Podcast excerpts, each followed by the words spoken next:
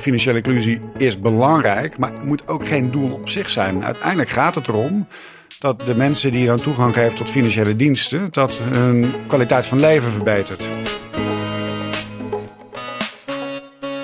Welkom bij Money Matters, een podcast van Social Finance NL waarin geld en impact centraal staan. Door in gesprek te gaan met politici, investeerders, filantropen, banken, sociaal ondernemers en andere specialisten, proberen we antwoord te krijgen op de vraag hoe je sociale impact het beste kunt financieren.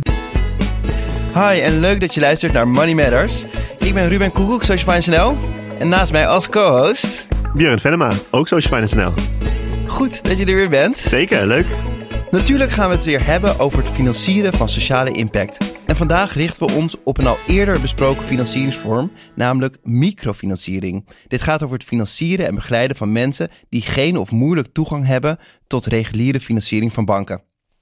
Dit keer gaan we daarbij over de grens kijken en kijken we naar microfinanciering in ontwikkelingslanden.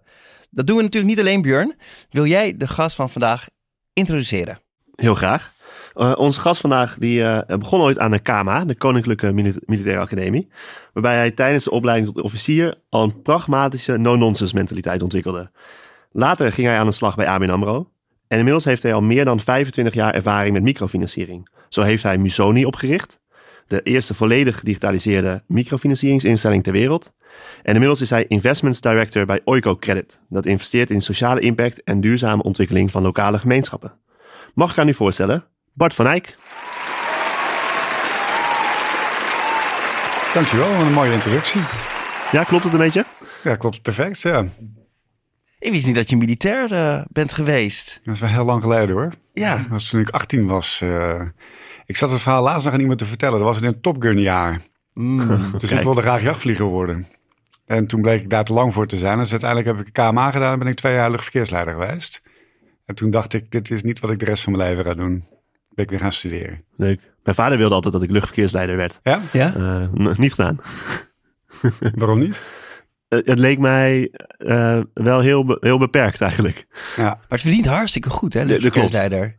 Ja, wel. En ik heb denk ik ook niet de concentratiespannen die nodig is voor luchtverkeersleider. Want het mij wel heel... Je moet natuurlijk echt, echt heel scherp zijn ja. in een bepaalde tijd. En het beperkt is inderdaad, dat heb jij goed gezien toen. En ik heb dat eerst moeten ervaren. Het is inderdaad heel beperkt. En ik vind, als ik kijk wat ik daarna ben gaan doen, is veel breder. Heb je veel meer contacten, veel meer diepgang. Terwijl als luchtverkeersleider is het allemaal kort en snel. Laatst zei ook iemand tegen mij uh, dat kort en snel. Dus misschien dat, jij daar, dat we daarom met onze voorstellen bij jou altijd meteen to the point moeten komen. ja, heeft je toch nog iets gebracht. Ja. Wel, wel. En wij hebben natuurlijk een geschiedenis, hè? Ja, Ja, Ja, ja, ja, zeker. ja. dus, dus um, toen jij CEO was van Musoni, daar gaan we het straks nog over hebben. Maar toen mocht ik uh, een microfinancieringsonderzoek doen in Oeganda uh, voor jouw club. Ja. En dat is inderdaad ook alweer uh, een jaar of tien geleden, denk ik. Nee, nee, 2014. Oké. Okay. Ja, ja, dus zeven. Ja, ja, ja. ja. Want toen hadden we inderdaad operatie in Kenia. En toen waren we aan het kijken of er een markt was voor ons om ook onze diensten in uh, Oeganda aan te gaan bieden. En ik weet niet meer hoe wij met elkaar in contact kwamen. Maar jij had volgens mij een sabbatical toen. Klopt, en zei van, ik wil niet alleen maar reizen, ik wil ook wat nuttigs doen. Klopt, ja. Dat is trouwens ook de manier waarop ik op het spoor van microfinanciering ben gekomen. Maar ik was aan het reizen in Latijns-Amerika. Ja, Ik kwam met een organisatie in contact en die uh, hadden een microfinancieringsprogramma. ja. En daar, die hadden daar wat uitdagingen. En die zeiden, hey, je hebt een bankachtergrond, zou je eens willen meekijken? En het idee was dat ik dat voor drie weken zou doen. En daar ben ik uiteindelijk zes maanden gebleven. En dat was voor mij het moment dat ik dacht van... hé, hey, ik ga niet terug in mijn oude bankwereldje... maar ik wil meer bankieren echt met een, uh, met een positieve impact. En toen heb je Musoni opgericht. En toen ben ik inderdaad teruggekomen. En toen ben ik in eerste instantie begonnen met het idee om een fonds op te richten. Wat uh, eigenlijk een matchmaker is tussen vermogende particulieren en uh, microfinancieringsinstellingen. En uh, toen kwam ik eigenlijk al redelijk snel erachter dat die markt eigenlijk al groter was dan dat ik me realiseerde. Maar in die zoektocht eigenlijk ben ik een aantal van mijn mede-oprichters tegengekomen. Wauw. Leuk Ja. zeg. Ja. Ja. We gaan het daar straks uitgebreid over hebben. Uh, maar eerst gaan we naar onze vaste rubriek, de uitgeleider. We beginnen deze podcast altijd met een persoonlijke vraag over investeren. Want we doen zelf natuurlijk op een dagelijkse basis allerlei kleine en gro grotere investeringen en uitgaven. En daar maken we allemaal ook wel eens een misser mee. Daarom ook aan jou de vraag: wat is de meest onzinnige uitgave die je hebt gedaan? God, ja. De, de meest onzinnige, dan moet ik toch een beetje eh, kijken naar het wensenlijstje van mijn kinderen. Waarvan ik denk van god, wat staan daar dingen op? Uh, plastic troep die dan één of twee keer worden gebruikt en vervolgens niks mee gebeurt. Maar dat is, voor hun is dat natuurlijk anders. Voor hun is dat uh, helemaal geen onzinnige troep. Als ik kijk naar wat ik laatst heb gekocht. Uh, ik heb een uh, spijkerbroek. Dat klinkt heel lullig. Spijkerbroek gekocht, maar ik heb eigenlijk altijd hetzelfde merk en dezelfde maat. Mm -hmm. En vanaf het moment dat ik die aandeed, dacht ik: God, dat ding is hartstikke wijd. En uh, ik heb een riem erbij nodig. En uh, mijn vrouw zei van ja, ja, nou, kan wel. Maar toen uiteindelijk ben ik ook naar die winkel gegaan. En toen heb ik nog een andere broek gekocht. En die was toch wel een maat kleiner. Dus ik heb nu een hele mooie nieuwe spijkerbroek waar ik de labels al vanaf had gehaald. Die, uh, die, die niks ligt te doen in, uh, in de kast. En dat vind ik echt toch knullig van mezelf. Want ik ben, ik ben niet zo kapitalistisch of uh, materialistisch. En dus ik denk altijd goed na over wat ik koop, dat ik het ook echt gebruik. Dus dit, hier baal ik eigenlijk wel een beetje van. Maar ja, het goede nieuws is dat je af ben gevallen. Ja. ja, ik ben ook afgevallen inderdaad. Ja. ja. En Björn, heb jij, uh, heb jij nog iets te delen? Um, nou, ik had laatst was ik, uh, ik ben tegenwoordig een elektrische auto. Ja? En we waren een weekendje aan zo'n vakantiepark. En dan kon je daar op het park wel laden. Dus hadden ze laadpalen staan. Maar dat kon dan niet met je eigen laadpas. En dan hadden ze helemaal goed geregeld. Dus je kon in principe gratis laden. Alleen je moest dan een laadpas van dat park uh, even lenen. Of, uh, en dan, dan, moet je natuurlijk borgen voor betalen. Nou, prima. Gratis laden. Ik was heel erg blij. Uh, alleen toen ik halfwege de terugweg uh, uh, was om even te lunchen, toen vond ik diezelfde laadpas weer, weer in mijn jaszak. Dus ik heb nu nog steeds uit, de, uit, uit de Eifel een, een laadpas oh, van, met de borg in, mijn, in mijn jaszak. Dus misschien moet hij nog terug, maar dat, ik weet niet of dat nog gaat lukken. Nou, als er luisteraars naar de Eifel Ja, dus vakantiepark in de Eifel, dan ja. kan iemand zo'n laadpas meenemen. Ja, ik had laatst, ik had um, in de badkamer was er zo'n, uh, nou, er is altijd een zeepompje, maar nu een raar groot uh, ding. Dus nou, ik dacht, maar prima. En ik gebruik flink wat uh, zeep, redelijke verspillen daarmee. En op een gegeven moment echt een maand later kwam een vriendin naar me toe van... hé, hey, wat ben je aan het doen? Ik zei, ja, ik was mijn handen. Maar het scheen zo'n moisturizer te zijn... die ze bij de schoonheidsspecialist had gekocht. Dat is 90 euro, nou, ding. Echt bizar. Daar had ik uh, echt een maand lang mijn handen mee gewassen. Dus als je naar mijn handen kijkt... helaas is het een podcast, maar ze zien er heel mooi uit. Maar dat komt dus door mijn moisturizer die ik daarvoor gebruik. Ik moet zeggen, ik heb deze fout ook wel eens gemaakt. Ja? Ja, ja, dat, ja, dat is niet... Uh... Ja, ja, Onana, die had dus pilletjes van in de badkamer genomen. Hè? Had je dat gehoord? De keeper van Ajax? Ja. Zegt hij. Dat zegt hij. En toen was hij een jaar geschorst, omdat ja. hij in een stofje in zat wat niet mocht. Dus met moisturizer kom je er nog aardig vanaf. Ja, ja, nee, precies. precies. nou, bedankt uh, Bart en Björn voor dit, uh, dit inkijkje. Um, en we gaan door met de stellingen. In deze podcast gaan we op zoek naar de vraag hoe we sociale impact het beste kunnen financieren. En vandaag staat microfinanciering centraal. Nou, we hebben al eerder uh, het over microfinanciering gehad. Uh, we hadden Elwin Groeneveld van Credits te gast in aflevering 5 um, over microfinanciering in Nederland. Maar nu gaan we het hebben over microfinanciering in ontwikkelingslanden.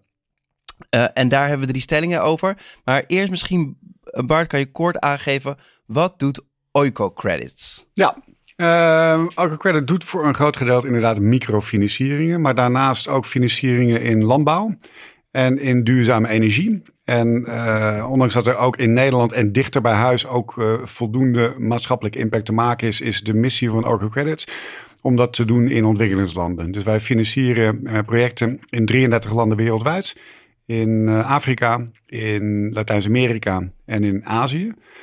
En we doen het al vier, uh, 45 jaar. Dus het is echt een impact investor ja, avant le lettre. Echt uh, een van de, van de voorlopers eigenlijk op dit thema. We zijn een coöperatie, een vrij unieke structuur met 600 leden. En daarachter zitten uh, iets van 55.000 grotendeels private investeerders. En wij beheren in totaal 1,2 miljard euro. Dus dat is echt wel een van de grotere spelers in het veld waar wij opereren.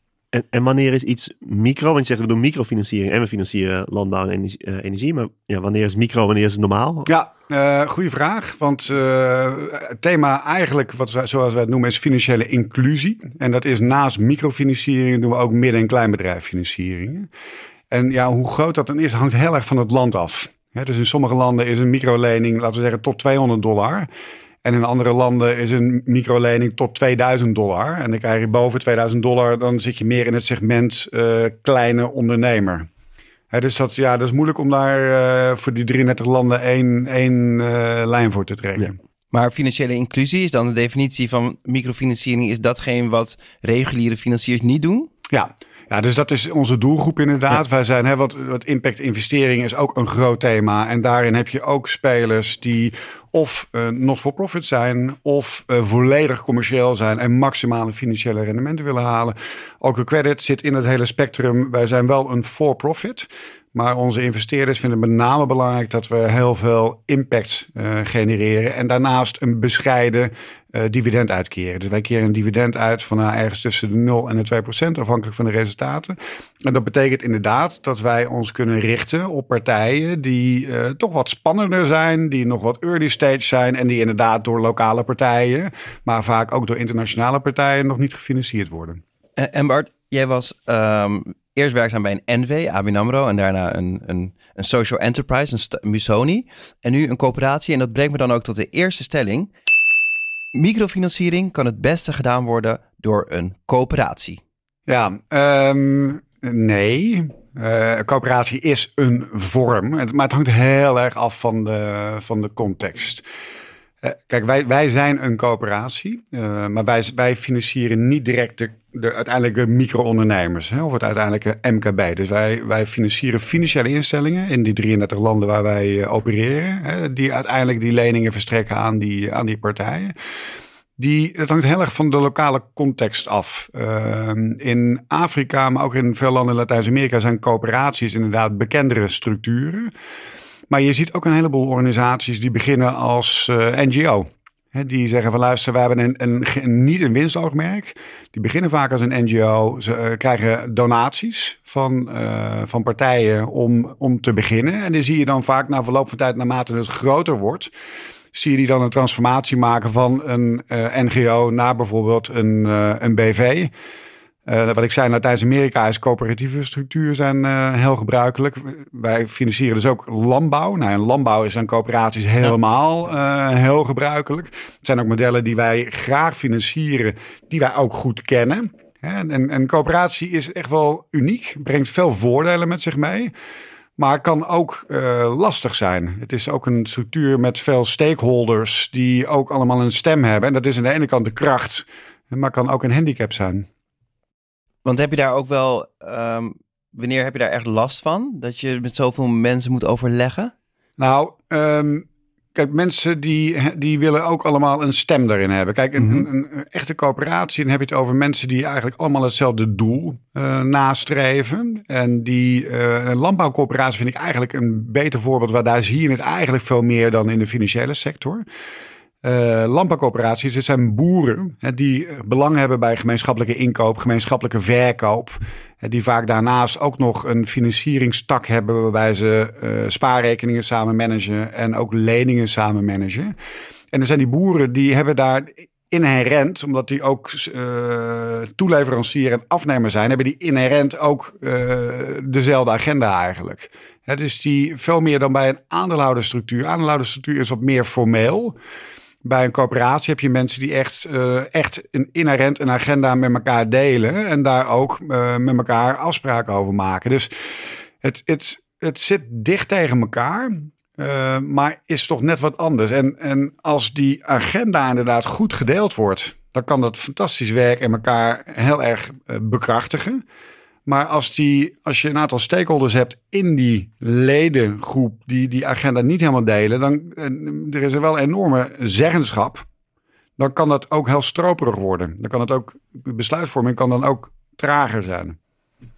En beschermt jouw rechtsvorm je ook, ja, in, de, in microfinanciering heet dat mission drift. Dus dat je wat grotere leningen, wat makkelijkere leningen gaat doen om toch wat uh, rendabeler te worden. Beschermt jouw structuur je daartegen? Of zeg je dat is sowieso ongeacht de structuur, dat, dat is geen probleem voor ons? Um, ik denk dat dat in beide structuren zou kunnen gebeuren. Dus zowel in een, uh, in een BV of een NV-structuur als in een coöperatie kan je een mission drift hebben. Maar dat, dat hangt ervan af hoe betrokken uh, aandeelhouders zijn. Ja. als aandeelhouders uh, puur voor financieel rendement erin zitten, dan kan je dus inderdaad veel meer een druk krijgen voor, voor maximale rendementen, waarbij de impactagenda misschien wat meer op de, op de achtergrond uh, verdwijnt. En, en hoe verhouden dan de, de financiële rapportage en de impactrapportage zich tot elkaar? Want uiteindelijk willen misschien de leden er ook wel gewoon zorgen dat hun uh, geld uh, in ieder geval terugkomt. Hè? Misschien ja. niet enorme rendementen. Ja. maar wanneer ervaar je wel dat dan die impactrapportage in het gedrang komen of, of ondergeschikt worden? Wat bij ons het makkelijker maakt, is dat onze investeerders echt een bescheiden rendementsdoelstelling hebben. Die zitten echt op de impact. En daar, daar worden ook wel eens voorstellen gedaan over, over zaken. Want ze zeggen, we kunnen we ook niet dit gaan financieren. En dan is het ook onze verantwoordelijkheid om te zeggen van ja, weet je, kunnen we daar een business case van maken? Want inderdaad, die kapitaalspreservatie, dat is wel een belangrijk uitgangspunt. Dus uiteindelijk uh, zijn het ook onze leden die aangeven. We zijn als voorbeeld, we zijn bijvoorbeeld nu bezig met een nieuw strategietraject. Dus die vanaf volgend jaar in werking moet gaan treden. Nou, moeten wij onze leden zijn daar als key stakeholders ook in meegenomen om dat vorm te geven dat presenteren we ook aan hun. En daar zullen we ook op terugrapporteren. En, en die social impact is daar heel belangrijk in. En daarnaast is het onze verantwoordelijkheid om, om ervoor te zorgen dat het niet alleen vanuit idealistische motieven en impact gedreven is, maar dat er ook uh, een financiële business case is. En dat wij ook inderdaad een uh, voldoende rendement maken om onze dividenden uit te kunnen keren. En in jullie jaarverslag las ik ook dat naast dat je investeerders hebt, heb je ook donoren. En die doen een deel wat, wat uh, van een niet winstgevende activiteiten. Kan je daar iets meer over vertellen? En hoe, hoe gaat dat? Hoe staat het in verhouding tot elkaar? Ja, uh, wij hebben uh, een stichting. En daar gaan inderdaad uh, donaties ook naartoe van verschillende organisaties. Soms wordt dat, en dat wordt eigenlijk steeds minder. In het verleden werd het nog wel gewoon een bedrag gegeven van jongens en doe er maar wat moois mee. Tegenwoordig is het steeds meer echt aan een project of aan een programma gekoppeld. En wij gebruiken dat met name voor uh, capaciteit, uh, ja, capacity building, ja. capaciteitsopbouw. Ja. Ja, dus voor projecten waarvan we zeggen van nou, dit is toch wel spannend. En wij zien in onze due diligence, in, voordat we een financiering doen. Wij doen overigens naast leningen nemen we ook participaties in bedrijven. dus als wij in de due diligence zien dat er bijvoorbeeld op het gebied van governance of risk management uh, ontwikkeling moet plaatsvinden om dat te versterken. En dan hebben wij dus geld van donoren beschikbaar om bedrijven daarbij uh, te ondersteunen. Daarnaast hebben wij ook met uh, bijvoorbeeld USAID of een African Guarantee Fonds hebben wij ook toegang tot garanties. Dus is ook financiering. We zeggen, nou, dit is wel heel innovatief. Ja. Uh, bijvoorbeeld op het gebied van, van clean cooking, hè, dus van die ja. uh, van de clean cooking apparaten. Heel innovatief, echt spannend. Ja. Er zijn weinig partijen die dat willen financieren. En dat doen wij dan wel, maar daar koppelen we dan wel een garantie aan. Hè, dus mocht zo'n lening dan fout gaan, dan krijgen we vaak de helft van een bedrag wordt dan gegarandeerd door, een, uh, door zo'n partij. Die, uh, waardoor voor ons de, de verliezen dan uh, te overzien zijn. Waardoor we dingen kunnen financieren die we anders niet zouden kunnen doen. Dus stove, dat is in plaats van dat ze met kerosine uh, koken.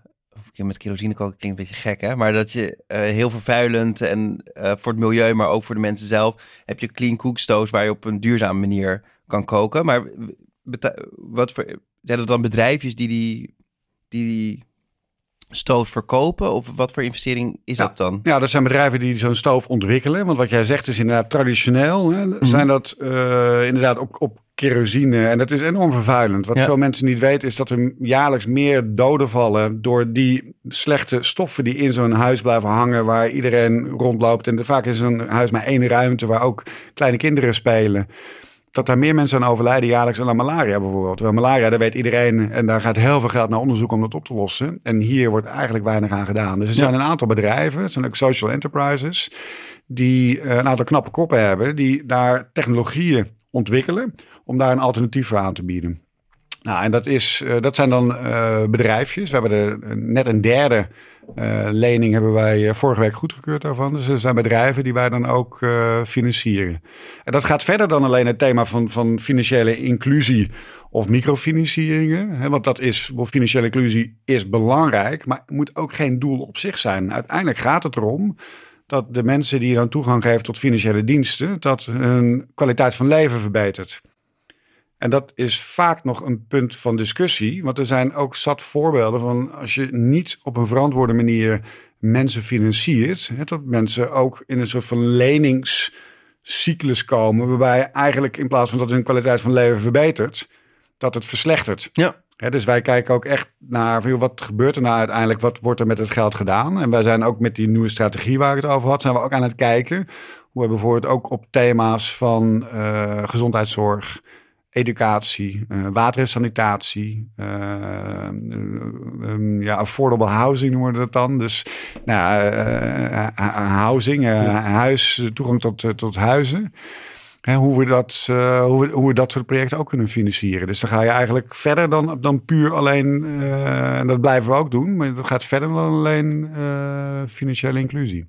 Dankjewel. En dus eigenlijk als ik je goed beluister, dan een coöperatie een hele fijne werkvorm. En daarnaast heb je stiekem ook een stichting om echt dingen te doen die, uh, ja, die niet rendabel uh, zijn. Maar ook op andere, andere juridische entiteiten, daar kan je ook impact mee maken. Je bent niet zo strak in de leer. Bijvoorbeeld uh, Elwin gaf aan van microfinanciering mag nooit door een BV worden gedaan. Maar volgens mij is dat niet onderschrijf dat niet, maar gaat vooral met de intenties waar, waar aandeelhouders uh, er, erin, ermee instappen. Dat is een hele goede samenvatting. Het hangt heel erg van de context van het land af. Want ook in sommige landen uh, is een coöperatie in rechtsvorm die veel betere bescherming biedt, die uh, belastingvoordelen biedt hè, ten opzichte van anders. Het hangt heel erg van de lokale context af. En inderdaad, het is belangrijk dat er strategie en verantwoording aan de aandeelhouders. Het, dat, dat is eigenlijk belangrijk in de vertaling. En dan kan een BV, kan, kan, afhankelijk van hoe het inligt, kan een BV socialer zijn dan een coöperatie. Dankjewel. We gaan door naar de volgende stelling. Met nieuwe technologie is iedereen bankable. Um, nou, nieuwe technologie helpt daar absoluut bij. En, en zeg maar, dicht voor mij, hè, je noemde Musoni in de introductie. Uh, het concept wat wij daar uh, lanceerden was eigenlijk een volledig een, cashless uh, concept. Hè, waarbij de filosofie was van luister, ook in ontwikkelingslanden zijn er, loopt bijna iedereen met een mobiele telefoon rond. En vroeger was het nog van die oude, van die oude telefoon, die oude Nokia's. Tegenwoordig zijn het ook goedkope smartphones. En, en dat haalt een enorme drempel weg. Hè. Vroeger was je afhankelijk van een, van, een, van een infrastructuur, van kantoren. En, en doordat mensen een telefoon hebben en doordat je diensten aan kan gaan bieden via de telefoon, wordt in ieder geval die outreach wordt, wordt enorm veel groter. Uh, theoretisch wordt het dan ook makkelijker voor mensen om een bankrekening te openen, om een financiering te krijgen. Nou, ook daar kan technologie bij helpen. Uh, je ziet ook steeds meer initiatieven dat data van transacties worden vastgelegd, waardoor mensen die geen krediet, want dat is vaak waar je bij micro-ondernemers mee te maken hebt. Mensen hebben geen krediethistorie. Die hebben geen uh, jaarverslag, die hebben geen boekhouding. Hè? Dus dat maakt het heel lastig als financier. Ja, weet je, kan ik zo iemand financieren of niet? Nou, daar kan technologie ook bij helpen. Want dan krijg je uh, inzicht in data. Als uh, transacties lopen via mobiele betalingen of via virtuele betalingen, dan kan je daar inzicht in krijgen en kan je daar ook een kredietscoring aan houden. Of iemand kredietwaardig mm. is of niet. Hè, dus het, het helpt enorm. Maar het wil niet zeggen dat iedereen bankable is. Want hoe werkt het nog te vaak in de praktijk dat banken zeggen: ja, je hebt geen onderpand. Uh, je hebt geen inkomen. Uh, er staat te weinig saldo op de bankrekening. Hè, en elke bankrekening kost voor een bank kost geld. Dus die sluiten nog steeds heel veel mensen buiten het systeem uit, omdat ze eigenlijk geen rendabele klanten zijn. Nou, en, daar komen microfinancieringsinstellingen om de hoek. Hè. Die, die kijken met name naar die klanten die buiten het reguliere uh, banksysteem vallen. Om die inderdaad dan ook toegang tot financiële diensten te geven. En dan is het belangrijk, want microfinanciering denk ik wel alleen maar aan leningen dat het ook gaat om een betaalrekening en dat het ook gaat om het aanbieden van spaarrekeningen. Zodat mensen ook uh, zelf wat, wat uh, geld opzij gaan zetten en reserves gaan opbouwen.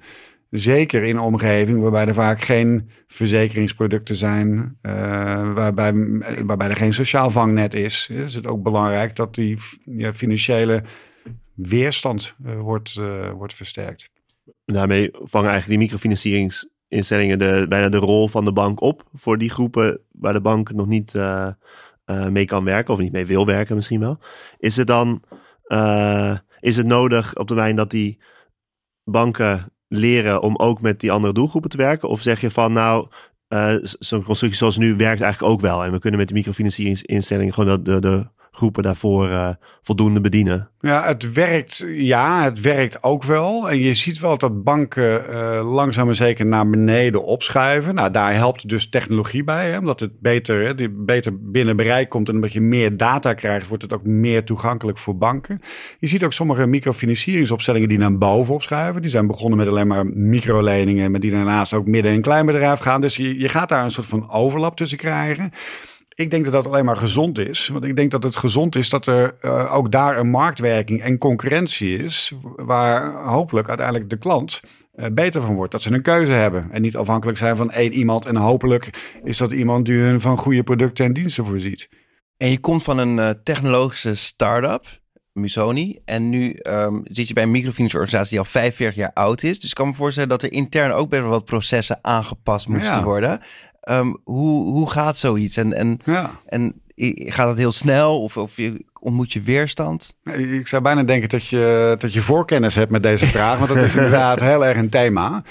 Ik weet nog toen ik, uh, ik werk nu zes jaar, toen ik zes jaar geleden daar begon te werken, dat er echt letterlijk allemaal archiefkasten in de gangen stonden met allemaal papieren files en uh, dossiers. En dat ik ook zei van god, we hebben dus 45 jaar uh, historie hier. Wat doen wij met deze data? Nou, dus niks. Want ja. het stond niet in een systeem, maar alleen maar in papier. Nou, dat maakt het ontoegankelijk.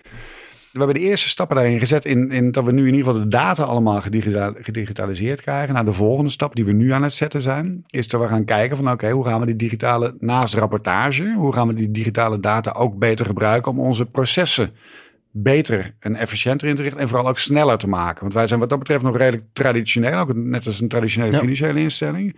En waar we naartoe willen is dat het ook veel meer uh, op data gedreven wordt. En want jullie hebben jaarlijks een survey over de, uh, om de impact uh, te meten. K kan je ook die impact uit die data halen of, of blijft het altijd een apart proces? Nee, dus dat is inderdaad, we hebben naast financiële data uh, um, leggen we daar ook de, de sociale indicatoren vast. Dus afhankelijk van wat we met die partner hebben afgesproken. Dus wordt op het gebied van landbouw is het vaak van hoe, hoeveel kleine boeren ja. hebben daarmee toegang gekregen tot financiering. Met uh, midden- en kleinbedrijf financiering gaat het over werkgelegenheidmeting. Hè, dus hoeveel banen worden dan gecreëerd door, die, uh, door het midden- en kleinbedrijf. Dus dat is onderdeel van die rapportages. Maar ook bijvoorbeeld, en dat is wat minder spannend, maar wel nodig. Want als je dat niet voor elkaar hebt, dan, dan mag je geen zaken doen. Compliance. Ja. Dus uh, compliance gegevens, die, die leggen we ook via diezelfde portal vast. Dus uiteindelijk komt alles daar samen. En gaat het er nu om van, oké, okay, hoe gaan we die data gebruiken om onze processen echt te verbeteren? Zijn, is die, zijn die, uh, die impact data, zijn die ook dan gestandardiseerd? Dus je zegt wel per, misschien per sector, hè? maar als je ja. vijf landbouwleningen verstrekt uh, over de wereld heen, uh, zouden die allemaal op hetzelfde rapporteren? Ja, hè, dus daar hebben we inderdaad een aantal vaste indicatoren voor, voor afgesproken. Want anders heb je het risico dat je zo meteen op, op een paar honderd dingen terug moet rapporteren. Dus ja. hebben we inderdaad een standaardisatie in aangebracht. En wat ook een leuk project is waar we mee bezig zijn geweest, is dat wij, en dat gaan we verder uitbreiden, hebben we een pilot gedaan. Waarbij wij met een paar van onze klanten, dus bijvoorbeeld uh, microfinancieringsinstellingen, hebben gezegd van laten we nou ook eens een onderzoek gaan doen bij jullie eindklanten. Dus waarbij wij uh, eindklanten, en dat gaat dus ook via de, via de telefonie, een, een uh, enquête voorleggen met een aantal vragen. En dat was met name in de COVID-tijd interessant. Voor, joh, wat, wat, wat heeft dat betekend voor je inkomen? wat heeft dat betekend voor de werkgelegenheid in het gezin? En waardoor je ook bij die, dus niet alleen bij onze directe klant de microkredietinstelling, maar ook daar voorbij bij de micro-ondernemers kan gaan kijken van joh, wat, wat is daar nou precies gebeurd? En dat is heel leuk. Dat doen we samen met, met onze klanten. We hebben net een pilot gedaan en dat gaan we nu verder opschalen. Ja, leuk. En is dat dan ook de, want je had het eerder had je het over, uh, je focus je op financiële inclusie, maar uiteindelijk gaat het om de, het welzijn, het verbeteren van het leven van die eindklant eigenlijk, waar je het ook nu over hebt. Hoe, hoe vang je dat op of, of dat lukt. Ja, ja, en dat is altijd de, de hamvraag. Hè? Dat is ook als je, als je gaat googlen en onderzoek gaat doen, dat is ook een beetje de discussie in de, in de wereld over uh, of microfinanciering nou helpen, ja of nee. Van hoe ga je dat nou meten? Uh, dat kan bijvoorbeeld zijn, en dat moet je echt over, over jaren gaan meten, uh, hoe iemand gehuisvest is. Uh, of daar, weet je, of dat uh, Adobe, hè, van die modderhutjes zijn. En als wij op een gegeven moment uh, ook uh, affordable housing gaan financieren. Sorry voor de Engelse termen. als wij affordable housing gaan financieren, dat je op een gegeven moment ook gaat meten van hoeveel van, de, van die klanten gaan inderdaad ook qua leefomstandigheden. Hebben op een gegeven moment geen modderen vloer meer of een zandvloer, maar hebben op een gegeven moment een vloer van steen. hoeveel van de kinderen gaan naar school? Ehm, dat kan bij een baseline onderzoek kan zijn dat maar één van de vijf kinderen naar school gaat. maar als je het dus goed doet, dan zie je dus dat, dat, uh, dat die participatie gaat toenemen over de jaren. Nou, op, op die manier, en dat is, uh, dan krijg je meer inzicht als je dat, die data rechtstreeks van die eindklanten krijgt, dan wanneer je het van de uh, microfinanciering krijgen. Want die, die worstelen daar vaak zelf ook mee. Nou, wat wij dus hebben ontwikkeld is een manier, en dat doen we samen met hun. Dus wij gaan niet rechtstreeks naar die mm eindklanten toe, maar samen met die microfinancieringsinstelling ontwikkelen we dat. En, en uh, doen die enquêtes bij hun eindklanten. Dus door nieuwe technologie zijn er in ieder geval meer mensen bankable, uh, maar niet iedereen. En nu hebben we besproken hoe, we, uh, hoe dat komt en ook hoe we gaan meten of doordat ze bankable zijn, ze ook een beter leven hebben. Um, maar aan de ene kant is dus technologie, maar aan de andere kant kan ik me ook voorstellen dat niet iedereen kan omgaan met leningen. Dat gaf je al, want het kan ook zorgen dat mensen juist meer stress ervaren en een minder goed leven hebben. Um, gaan, zorgen jullie dan ook voor die, dat mensen uh, opgeleid zijn of financiële educatie hebben? Of is dat de verantwoordelijkheid voor een andere partij? Ja, dus dat is onderdeel van ons onderzoek voordat wij een financiering verstrekken. Is, uh, hè, dus wij, wij financieren dan uh, die microkredietinstellingen. En dan kijken we ook wat voor uh, screening zijn doen bij hun klanten. Of dat inderdaad klanten zijn die het nodig hebben, waar ze het voor gaan gebruiken. Ja. Of ze inderdaad de capaciteit hebben om het terug te betalen. En niet alleen maar hun, hun leningportefeuille willen groeien. En ook of zij inderdaad financiële educatie doen. Dankjewel. We gaan snel door naar de derde stelling. Het noorden heeft het zuiden in de steek gelaten tijdens de coronacrisis. Misschien moeten we dan eerst uitleggen ook nog wat het noorden en het zuiden zijn. Ja, dus stel je hebt een kompas. Nee, uh, maar het noorden bedoelen eigenlijk de westerse wereld, het rijke noorden, boven de Evenaar en het zuiden. Uh, uh, dat zijn dan ontwikkelingslanden ten zuiden van de Evenaar. Ja, uh, lastige stelling. En uh, ik ben ook benieuwd hoe jullie daar tegenaan kijken. Maar als ik even vanuit mijn vakgebied uh, spreek, wij toen COVID uh, opeens uh, de wereld betrad, niemand wist wat er eigenlijk ging gebeuren. En dat gold voor ons ook. Dus wij zijn toen wel even wat voorzichtiger geweest met het financieren van uh, nieuwe partijen. We hebben wel gezegd, luister, bestaande, bestaande klanten blijven we ondersteunen. Dus we hebben ook heel veel uitstel van betaling gegeven aan partijen. gezegd van luister, voor drie maanden of voor zes maanden, weet je, om, om partijen wat extra lucht te geven. Ja. We zijn ook selectief doorgegaan, dus met nieuwe financiering verstrekken aan bestaande partijen. We hebben toen wel gezegd, nieuwe klanten die we nog niet kennen, wachten wij van mij. We willen eerst weten wat er precies aan de hand is. En dat hebben we in een periode van zes maanden hebben dat on hold gezet en zijn daarna ook weer begonnen met nieuwe partijen te financieren. En dat is wel een beetje wat ik ook in, in mijn sector heb gezien. Wat wij, uh, wat wij toen hebben opgepakt is met negen van de grotere spelers in de wereld. Het heet inmiddels de MIV 9 Club. Dus de Micro Investment Vehicle, uh, negen groep van de, de negen grootste spelers. Hebben we elke week een call gehad met mijn collega's. Want de Oiko Credits is een van die negen grote spelers. Ja. En dus elke vrijdagmiddag hadden we een call. En jongens, wat zien jullie? En het slechtste wat nu kan gebeuren, is dat iedereen zich zorgen maakt en zo snel mogelijk zijn geld terug gaat vragen. Want dan gaan er echt partijen die eigenlijk gewoon solide en gezond zijn, die gaan onterecht omvallen. En daar wordt niemand beter van. En dat past ook niet bij onze missie. En dat is, vind ik echt uh, geweldig hoe die samenwerking, wat eigenlijk zonder COVID waarschijnlijk niet tot stand was gekomen, hebben daar enorm snel stappen in uh, gezet en hebben daar ook afspraken met elkaar in gemaakt. Hoe, we, hoe wij omgaan met partijen die uh, problemen hebben of uitstel van betaling hebben. En hoe wij daar dan, als, en soms financieren wij met meerdere partijen tegelijk één uh, microfinancieringsinstelling. Hoe we daar samen in optrekken in plaats van dat iedereen voor zichzelf denkt. Dus, dus ik denk dat we dat echt, echt goed en ook met een, een, uh, met een heel goed nadenken over hoe ondersteunen we die sector zo goed mogelijk. Dat we dat echt goed hebben gedaan. Ik zie nog steeds dat er vrij veel liquiditeit is in, in de meeste markten. De uitdaging is dat er in heel veel landen zijn er lockdown geweest. Is, economisch is het allemaal nog langzamer. Hè, dus dus uh, veel partijen hebben wel, doen minder dan dat ze voor COVID deden. Maar dat begint nu wel weer aan te trekken. Want hoe gaat het nu? Bijvoorbeeld in een land als Oeganda, waar jullie uh, actief zijn. Hoe, bijna niemand is gevaccineerd. Nou, uh, hier wel. En dan lopen we al tegen allerlei uitdagingen in. Dus hoe gaat het op dit moment in, in, in zo'n zo'n land? Zitten die nog volledig in lockdown? Nou, of, Nee, dat in, in de meeste landen zijn dingen, zijn zaken gewoon weer nou ja, als, als normaal. Ja. Maar wat jij zegt, wat de grote zorg is, is dat, uh, dat, dat ook dat verschilt erg van land tot land. Uh, in India bijvoorbeeld is inmiddels 60% van de bevolking heeft een eerste vaccinatie gekregen. Ja. In Kenia en Uganda is dat rond de 5% en wat we in India op hebben gezien in mei, is dat daar een enorme tweede golf van COVID-infecties was, waardoor alles weer in lockdown moest, hè, waardoor je eigenlijk weer een tweede klap krijgt. En daar moet je wel rekening mee houden in landen waar die, vaccinatie, uh, waar die vaccinatieratio's lager zijn, dat dat daar ook zou kunnen gebeuren. dus dat, zijn, dat, dat volgen wij op de voet. We hebben in, uh, nou in Kenia bijvoorbeeld hebben we ook een kantoor. We hebben in twaalf landen hebben we ook mensen op de grond. En die uh, doen ook zaken met, uh, met onze klanten in Oeganda. Ja, ook reizen. Wij normaal gesproken reizen wij ja. naar onze klanten. Ik, ik heb uh, de afgelopen anderhalf jaar niet gereisd. Ik zou eigenlijk over twee weken naar Kenia gaan. Had het vanmorgen daar met een collega over. Ik zei, ja, ik, ik weet het niet ja. of dat door kan gaan. Dat Nederland weer zo meteen op rood staat. en wat betekent rood, ja. dat? Maar ook daar hebben we gezegd, verluister, de business moet wel doorgaan. He, dus wij, en nogmaals, dat was twee jaar geleden ondenkbaar geweest.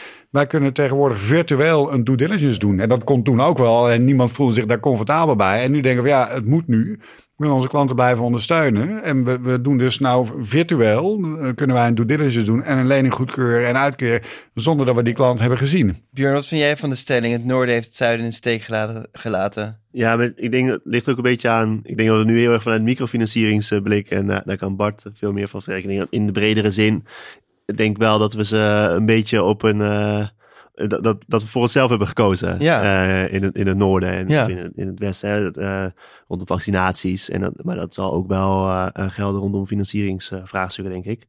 hebben we het hier allemaal leuk opgelost. En zelfs je zegt terecht, denk ik. met alle lopende uitdagingen. Want zo goed gaat het nu natuurlijk ook nog niet. Ja. Maar. Ehm, en, en hebben we eigenlijk heel weinig omgekeken naar, naar het zuiden juist daar waar de, waar de hulp denk ik het meest nodig is. Uh, ik bedoel, we hebben het hier uh, in een lockdown kan je hier makkelijk in, uh, in je eigen huis in Amsterdam. En dan zitten we allemaal met, met goede voorzieningen binnen.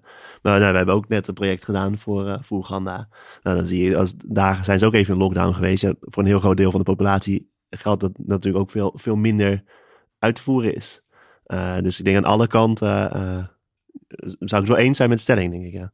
Ja, nee, nee snap ik. Um, en toch ga ik die derde booster wel uh, nemen als ik hem uh, krijg. uh, maar inderdaad, heel veel mensen ja. hebben nog geen helemaal geen vaccinatie gehad. Um, ik las in het jaarverslag van Oiko dat 2020 best wel een lastig jaar voor jullie was. Met flinke verliezen, dividend ook op nul.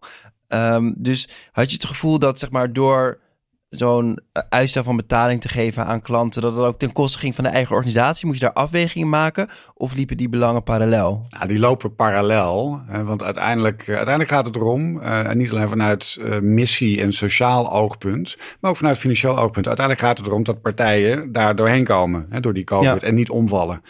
Want als, als partijen echt omvallen, dan, dan heb je een veel groter probleem. En, en nogmaals, het sociale, bedoel, dat is, onze missie is om lokale partijen te versterken. Ja. En, uh, en het ergste wat had kunnen gebeuren is dat er heel veel lokale partijen waren omgevallen, waardoor je echt twintig jaar terug in de tijd was gegaan. Uh, we hebben inderdaad vorig jaar hebben we dus onze portfolio bewust hebben gezegd, nou voet op de rem, uh, voorzichtiger en, en selectiever. verlies is met name omdat wij voorzieningen hebben getroffen. En dus wij hebben een, ja. een speciale policy ook gezegd, van, hoe gaan we om met die herstructureringen? Dus wij hebben met name voorzieningen gepakt. En dat, dat is de grote reden eigenlijk van het uh, verlies wat we vorig jaar hebben geleden. Dit jaar, doordat eigenlijk alles goed is gegaan, we hebben van de 136 klanten, we hebben in totaal 700 klanten, waarvan er 136 op een gegeven moment een uitstel van betaling hebben gekregen.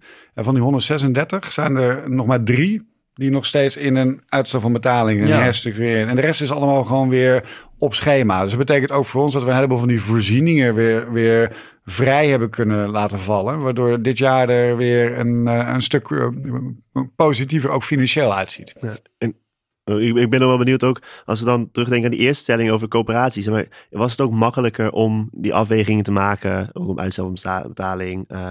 Uh, omdat je een coöperatie bent, omdat je een sociale missie hebt. Is dat anders bij misschien meer commerciële microfinancieringsinstellingen? Um, nou, ik had het net over die MIV 9 groep en daar zit, daar zit een, een grote scala van verschillende partijen in. Uh, en wij zijn de enige coöperatie.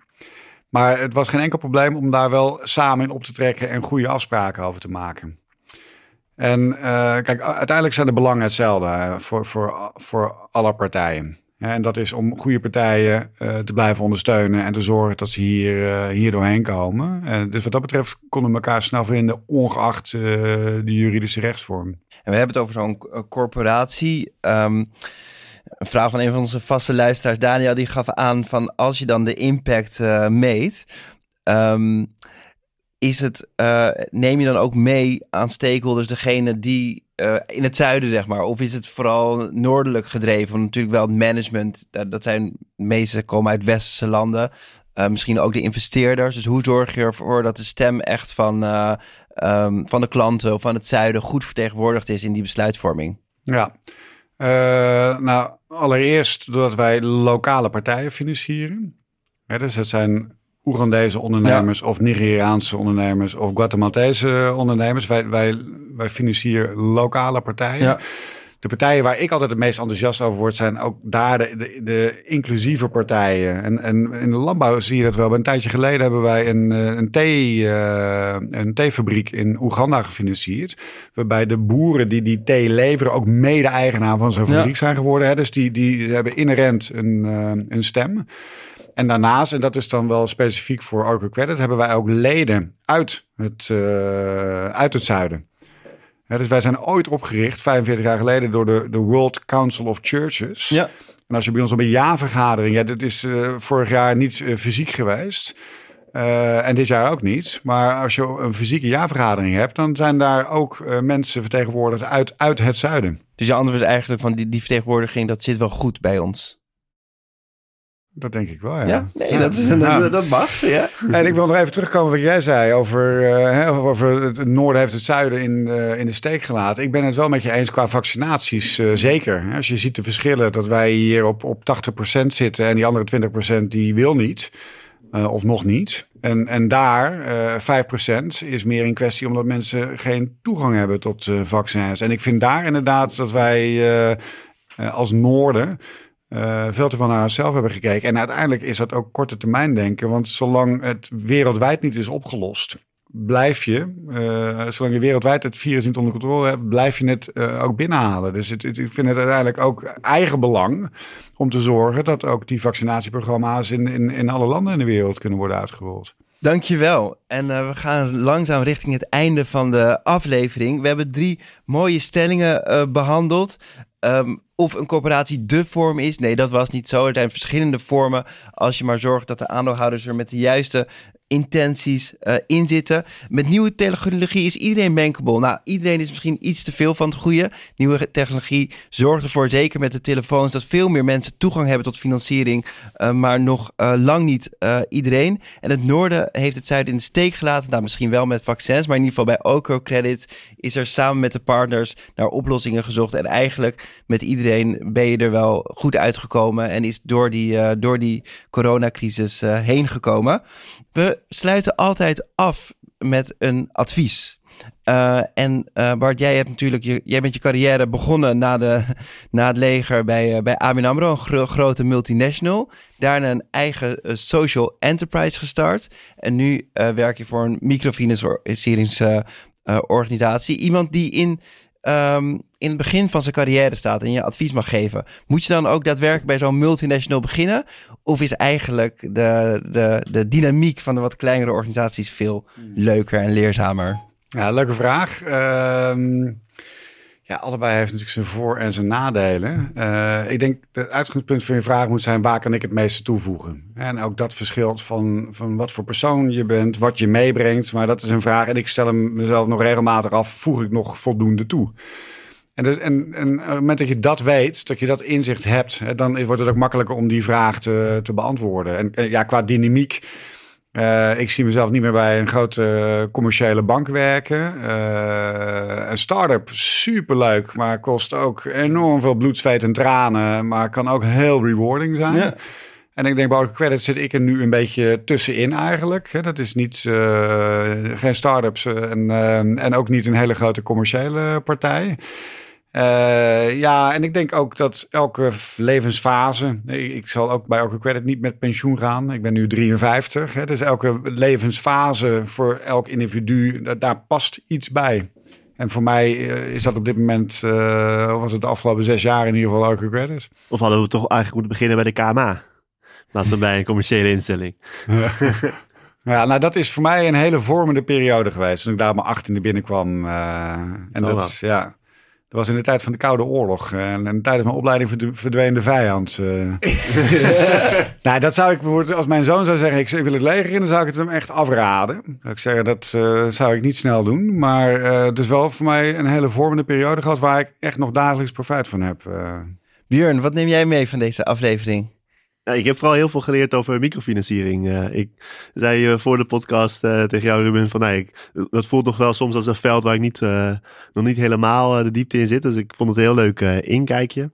En ik ben eigenlijk heel erg blij dat, dat jullie ook met, met standaard impact meting bezig zijn. En daar op, op zulke schaal gewoon naar kijken. Dat vind ik heel hoopvol. En ik hoop dat de hele sector daar zo goed mee aan de slag is als Oiko. Kijk, ja, dus misschien ook, we zullen in de, in de Spotify en de Apple podcast zullen ook even het linkje leggen naar, de, naar de rapportage. Want het zit inderdaad heel, heel stevig in, in elkaar.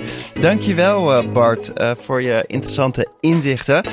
ook dank aan mijn co-host Björn en Abidamro en het Oranje Fonds voor het mede mogelijk maken van deze podcast. Productie Daniel van der Poppen, redactie Daphne Splegger en Nina Berkelo. Wil je niks missen van deze reeks? Abonneer je dan nu op de podcast via jouw favoriete podcastkanaal. En vergeet ook geen recensie achter te laten in de iTunes podcast app. Of neem je een kijkje op onze website www.sofin.nl.